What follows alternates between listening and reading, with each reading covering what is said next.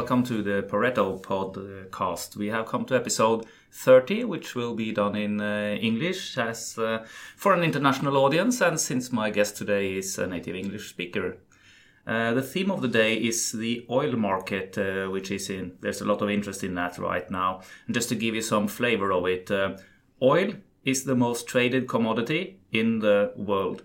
Uh, it's used in many products, plastic, etc., asphalt, um, but it's mostly a proxy for world energy price. So what the price of oil is is uh, really meaningful for uh, for a lot of countries uh, in the world. Uh, um, many uh, countries, most of them actually, are oil importing countries. So a high oil price is like a tax for those countries. But of course, there's some on the other side of the line, like Norway, which benefits greatly for from a, large, a higher oil price. Um, Oil is often produced very far from where it's used. It's transported over long uh, distances. Uh, and it uh, must generally also be processed before end used, which is done in, in uh, large refineries of various uh, size all over the world. Um, it's rather bulky and uh, thus expensive to store. so it's produced, transported, refined, and then consumed in the cycle that's fairly fast actually the average uh, uh, time in storage it's around 30 days between 30 and 40 days um, and the price has recently dropped from uh, from around 86 at the top in uh, in October to to the low 60s right now. So a lot of people want to know why and what and what does this mean and what we are seeing uh, going forward. So it's a pleasure to introduce our oil analyst Nadia Martin Wiggen. Welcome to the studio. Thank you very much. So you're in great demand these days from uh, investors and brokers and other participants. It's busy days. It is very busy because we've had so much volatility and the picture in terms of the oil market has changed a lot where we were since where we were in the summer when we had our last podcast through to October to where we are sitting here today now. Yeah, and just want to remind the listeners that you can go back to our episode uh, 23 to get more of the background in the oil market because I had you as a guest then when I talked a lot about uh, that. But uh, maybe you can, can just walk us through it. Uh, when we were in the beginning of October, the price was 86 and the theme internationally was that uh, there's not much oil, uh, we need more oil, uh, the price is going to to 100, and then it didn't. So so so what happened on the on the uh, supply and, and demand side? There's a lot of things. It's not just one thing, but uh, can you at least give us give some some flavor? Yes. Well, since since the summer there was high demand visible globally for oil. And because we had sanctions coming forward on Iran, we had concerns about Venezuela, that their oil decli- production was declining so quickly. Um, OPEC and Russia agreed that they needed to ramp up their production levels um, to actually fulfill demand, especially when the world was worried that we might start to see demand destruction in countries like India demand destruction is when oil simply gets too expensive so so people start to switch to coal and other other things and you know other for energy. sources. Mm. exactly or not driving their cars and walking or taking public transport. So this is why opec and russia decided to step in. In addition they had a lot of pressure from president trump um, who likes to have low oil prices uh, for the US consumer. Yeah, and for the midterm elections. yes, exactly. So, October, the market looked very, very strong. Unfortunately, sometimes it looks its best at the top. Um, and then the Iranian sanctions were supposed to come into full force three days um, before the US election, midterm election. And the expectation globally was that it would mean that countries like India would no longer, and Europe would no longer be allowed to import Iranian crude. Now, the Trump administration had said we may grant some waivers to some purchasers of Iranian crude. Mm. And from my perspective, I thought there was a risk that he might grant waivers to India, which had been complying, as in choosing not to buy as much oil from Iran as before. South Korea that had also demonstrated good behavior by cutting down on the amount of oil they were purchasing. But I thought India or South Korea or Europe, not all of them together. Hmm. So instead of granting waivers to one or two countries, the Trump administration granted waivers to eight countries. And then the sanctions don't really mean anything, do they? Well, they, they not they they really no they're not they're not that effective they yeah. he he kept northern europe and uh, out of the waiver group um, but southern europe was was allowed to continue to buy iranian crude so that caught analysts off guard and i think that even caught opec and yeah. Russia off guard because when they were planning to increase production, they had expected Iran to be unable to export as much crude. So they were already planning to compensate for this uh, November deadline when Iranian crude exports would really drop off because the US had repeatedly targeted zero exports out of Iran. In mm. October, Iran was still exporting you know, around 1.6 1.8 million barrels per day of crude. So it's quite a big drop off in terms of the expectation of crude. So OPEC and Russia believe they needed to increase their oil supply to compensate for that. Mm-hmm. And this is uh, the balance in the market between supply and demand is, is fairly uh, delicate, actually. So uh, if there's uh, a million barrels too much of production, prices go down, and and uh, if there's a million barrels too little, prices tend to go up a lot. Yes. Exactly. And this is where the mathematics didn't work out as the producers expected, that being OPEC and Russia. Um, but they worked out very well for President Trump because he managed to keep the oil price down and actually push it down further. Um, while while granting these Iranian waivers. Um, but of course, they're temporary waivers, and they ex- they expire in April. So again, there will be mm. another round. Um, so in October, what happened is that first we started to have big fears on the demand front. One, because the oil price was so high at the start of the month. But more importantly, there was a feeling that we are re- approaching a recession in the US. GDP expectations for China and the US we're looking lower. For Europe, we're looking lower because of Brexit. A lot of political discord. We had Argentina falling apart. Um, so the concern on a macroeconomic level globally really weighs in on the demand expectations then mm. of um, of who the oil oil buyers are going to be and how much they can afford to buy. So first we actually saw the demand expectations coming down before we physically saw this additional oil actually overwhelming um, overwhelming the markets. Because at the beginning the refineries they still continued to buy oil and then some were going into maintenance season in october. So when a refiner is in maintenance they're not buying oil because they don't like to store that much oil on site because there's a cost involved, right? Yeah. Mm. So they stop buying a bit. Then we have the first bit of this surge in production coming, and then the general expectations in the world on how much oil we need started to plummet. Then we fast forward two more weeks and we start to see the actual increase in production coming out of Saudi Arabia, coming out of Russia, coming out of the United Arab Emirates. Then, in addition to that, we have all of the US um, oil companies that are producing shale. Yeah, and they surprised on the upside as well, didn't they? Exactly. And in September, we first saw that there was a ramp up in production in the Gulf of Mexico because you normally have around a two months delay before you get the facts on the data. Mm-hmm. And uh, we saw that actually the Gulf of Mexico had jumped quite a lot. And then we then had to think about okay, that production and then shale surprised even more to the upside, which is the onshore production. Is the yeah. onshore production, mm-hmm. right? And so then that added on top of what was already a higher base number from the US than what the market expected in June when OPEC and Russia were deciding how much they need to ramp up production by. You know, the US was actually producing more than they thought. Um, so then we we got those numbers later in October that we could see that they were ramping up production. Russia had ramped up quite a bit, and then we saw in November that Saudi Arabia ramped up even more.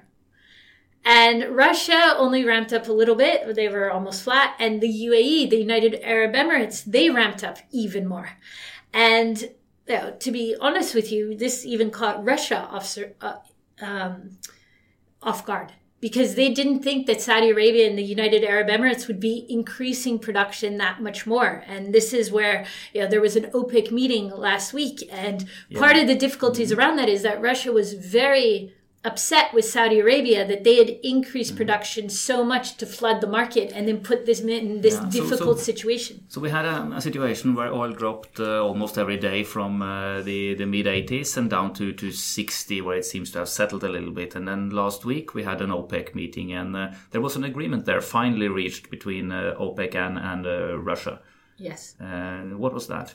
So they agreed that they had provided too much oil for the market mm-hmm. and that they needed to again cut production. Just like they did a few years back. Exactly, like they decided in December 2016.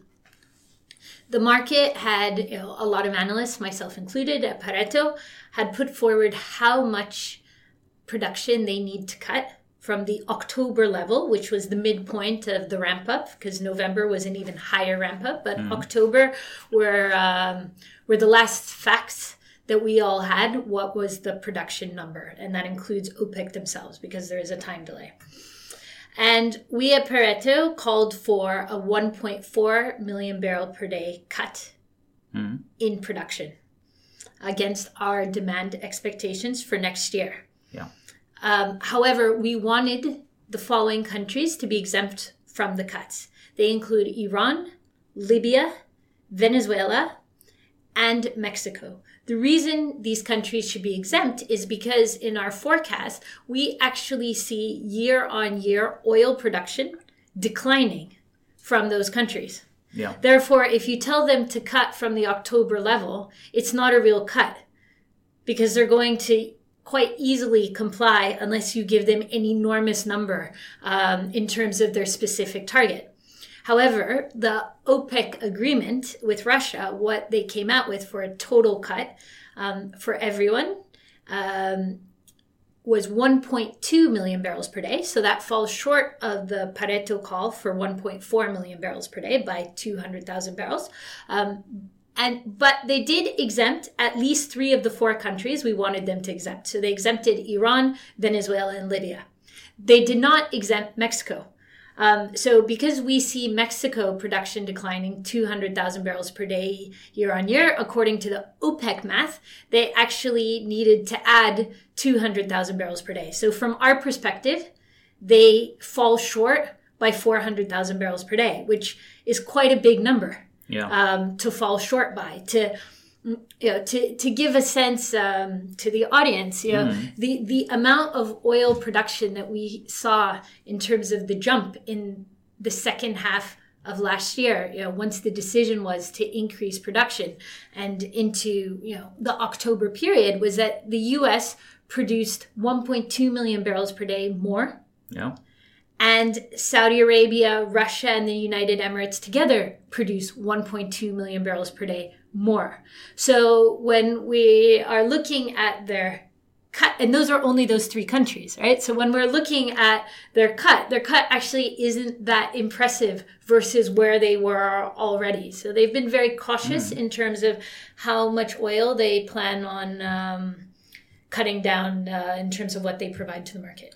Well, anyway, it seems to have more or less stabilized the oil price yes. uh, and it's uh, settled down here at uh, at 60 and we'll we'll get to it uh, later in the in the podcast uh, your your price forecasts going forward. But there's another theme that's that's rather big now in the oil and energy markets. It's it's uh, it's called and named IMO 2020 and IMO if I remember correctly is an international maritime organization. Mm-hmm and 2020 is the date uh, where they put the new regulations into place for fuel for boats to, to be yeah for uh, for uh, you know international shipping. Yes. Uh, new rules that they have to comply by which uh, if i'm correct means uh, less sulfur in the fuel, so it's uh, less poisonous, uh, to, to put it bluntly, for uh, for the sea.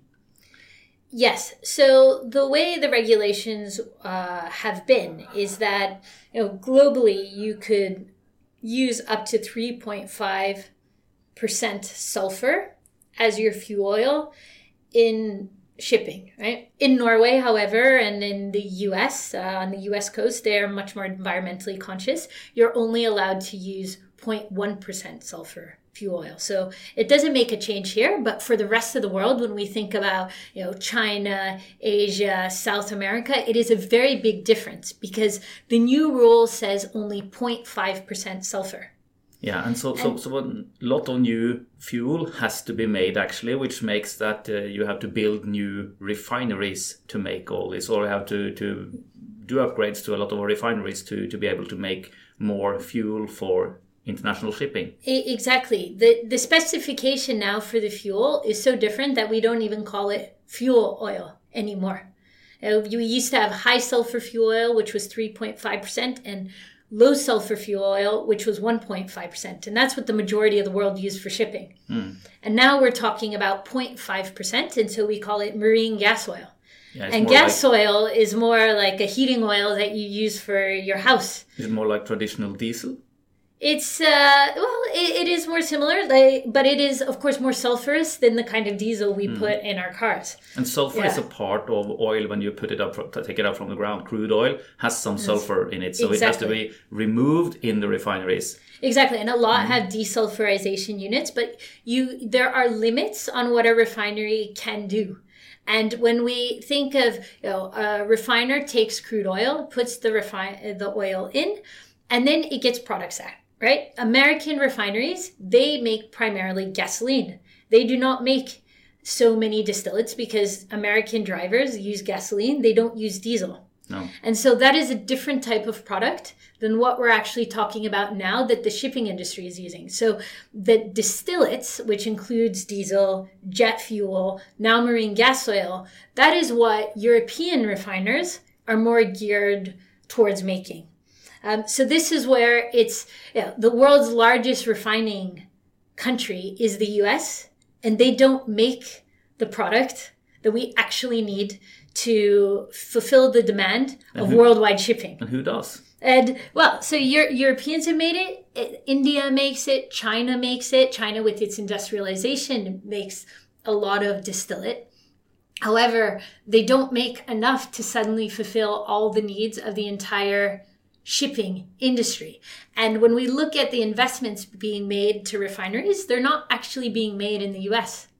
They're being made in primarily Asia. So the expectation and planning that the refining industry has made is that increasingly we are going to run all of this oil, crude oil and condensate in refineries in Asia, you know, in countries also like Turkey, India, um, even a little bit in Africa, but primarily China, to create this fuel that the entire global shipping industry requires. Mm. So this is what kind of makes your uh, your uh, computations very complicated because it's not just supply and demand; it's also various uh, products and it's uh, where it's stored and where it's produced. And then again, you can see a picture here, for for instance, of oil being produced in in Europe, sent to China, processed, and then you send back the fuel for yes. uh, for for shipping. So so it's which it's, of course of creates things, more but, demand yeah. on the entire tanker market mm. because mm. they it's not as efficient as when you could just send the oil in a pipeline to a U.S. refiner and then send the product back out. Now you mm. actually have to be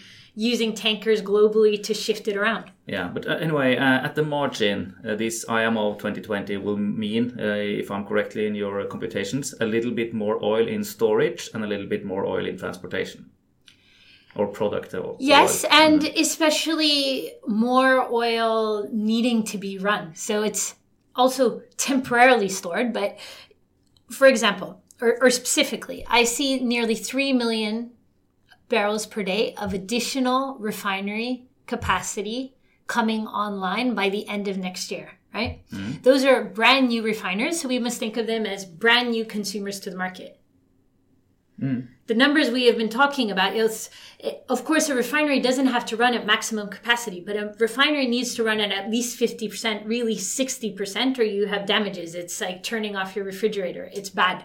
And so we now have these new buyers in the market that need to fulfill their refinery to create the product that we require.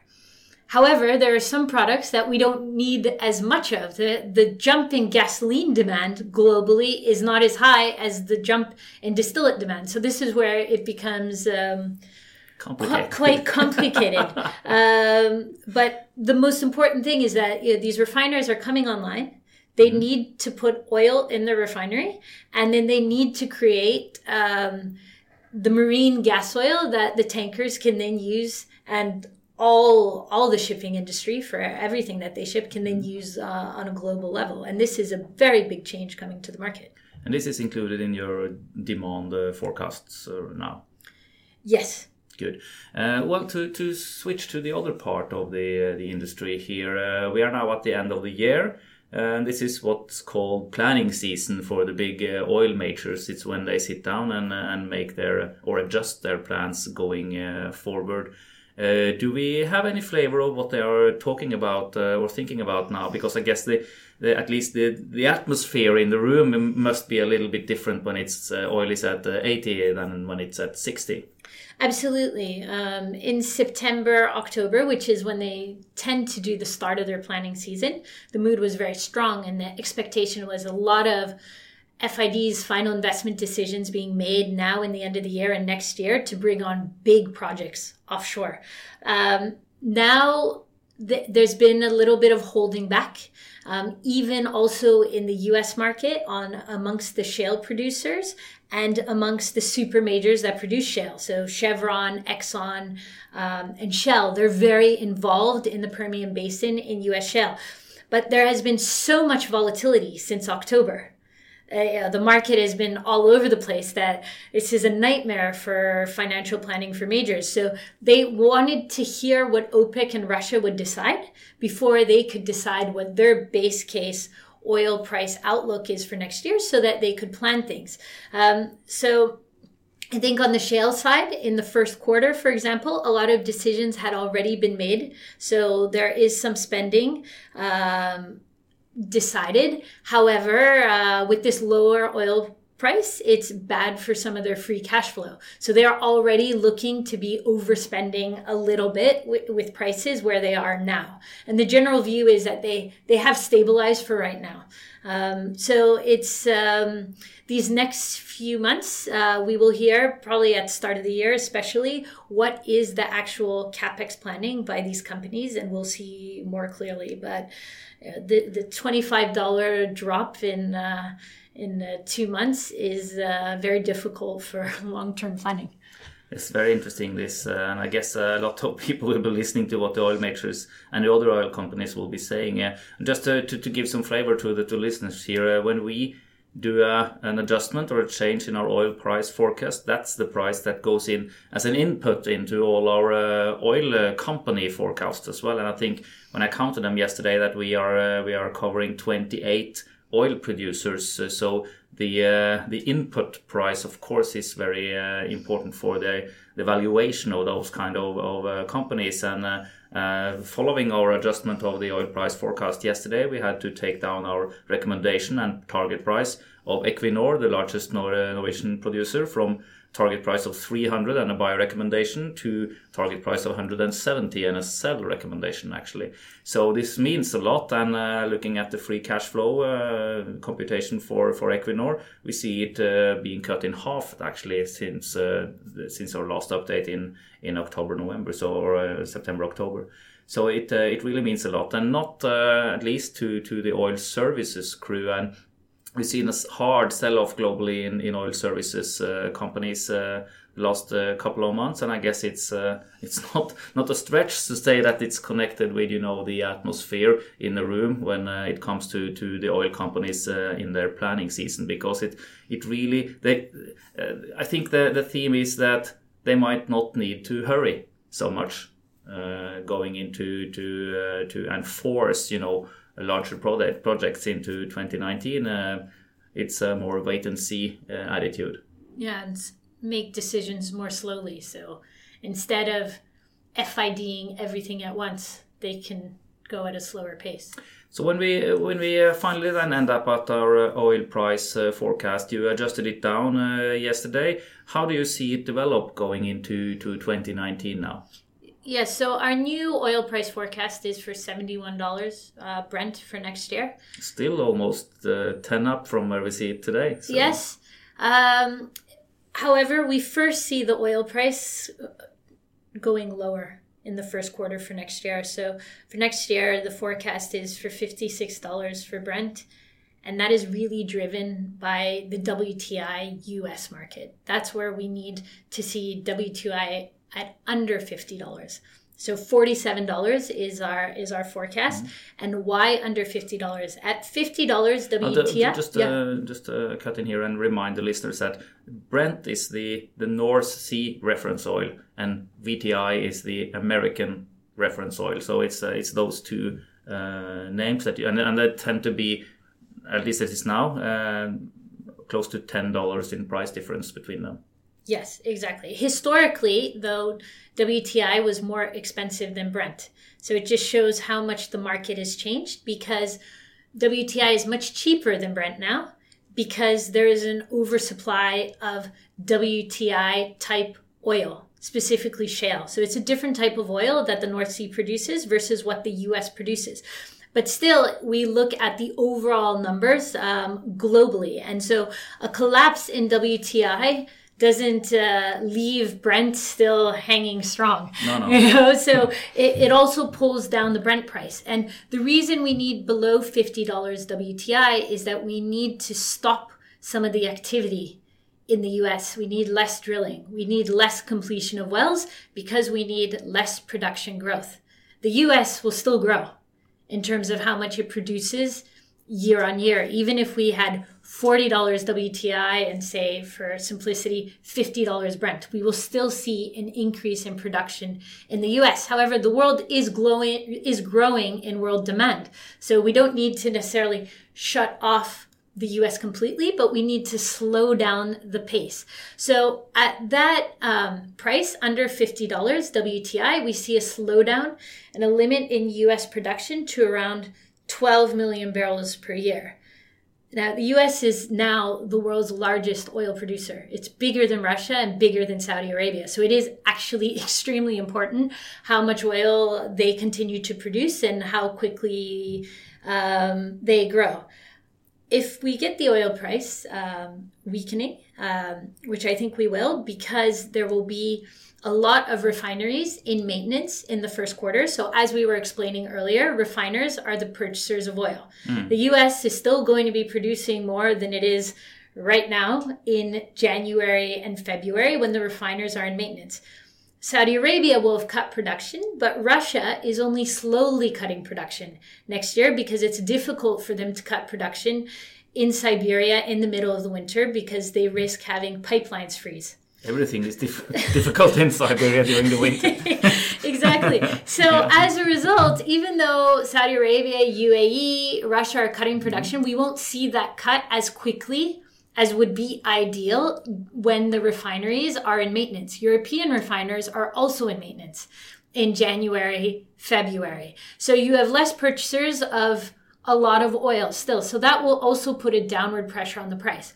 Mm. However, once that happens and we have the shale industry slow down, we will then see um, the oil price appreciate over the course of next year. And that's where, um, you know, going into the third and fourth quarters in particular, I see quite a lot of strength coming into the market. And Do you see a turning point around summer or sometime then? Yes, or it could even come a little bit sooner. It depends how effective the production cuts are um, coming from OPEC and Russia, how quickly the slowdown comes in US production, and then how demand performs. Because right now, the expectations for next year are abysmal for the first quarter in, uh, on a global macro level. So if we start to see actually that things aren't as bad as they seem in the first quarter, then you know, demand for oil will be stronger, and then we'll have evidence of that. So maybe already uh, a bit sooner we could have a turning point. So. Uh, short-term pain, long-term gain. Is that what they call it? exactly. well, where can uh, people, our listeners, go if they want to, you know, get uh, faster updates for your oil price uh, or comments about the oil market? Uh, so we actually put out quite regular reports and updates. Um, that that we publish uh, officially uh, on our website. Yeah. Yes, mm. on on our website. Mm. So there we give a lot of updates, and then of course our analysts uh, on the E&P side, Tom Eric Christensen, uh, he also puts out updates on how we see things when he's including his updates on actual yeah companies. so i guess your your comments about the oil price is included in the energy daily mail eventually yes exactly mm and you can go to our website uh, as a, our customer website and uh, choose to or select to to receive those kind of, uh, of emails. I think I'll um, leave it there and just uh, thank you for uh, for coming to the studio with me today. Uh, Merry Christmas! It will be an interesting season, I'm sure, for both oil producers, oil analysts, and oil service companies going into to 2019. And for your listeners, if you have any comments or question, you can always send it. And if you like what you hear, you are free to, or we would like to, if you to, to, to share the episode further. Have a nice day.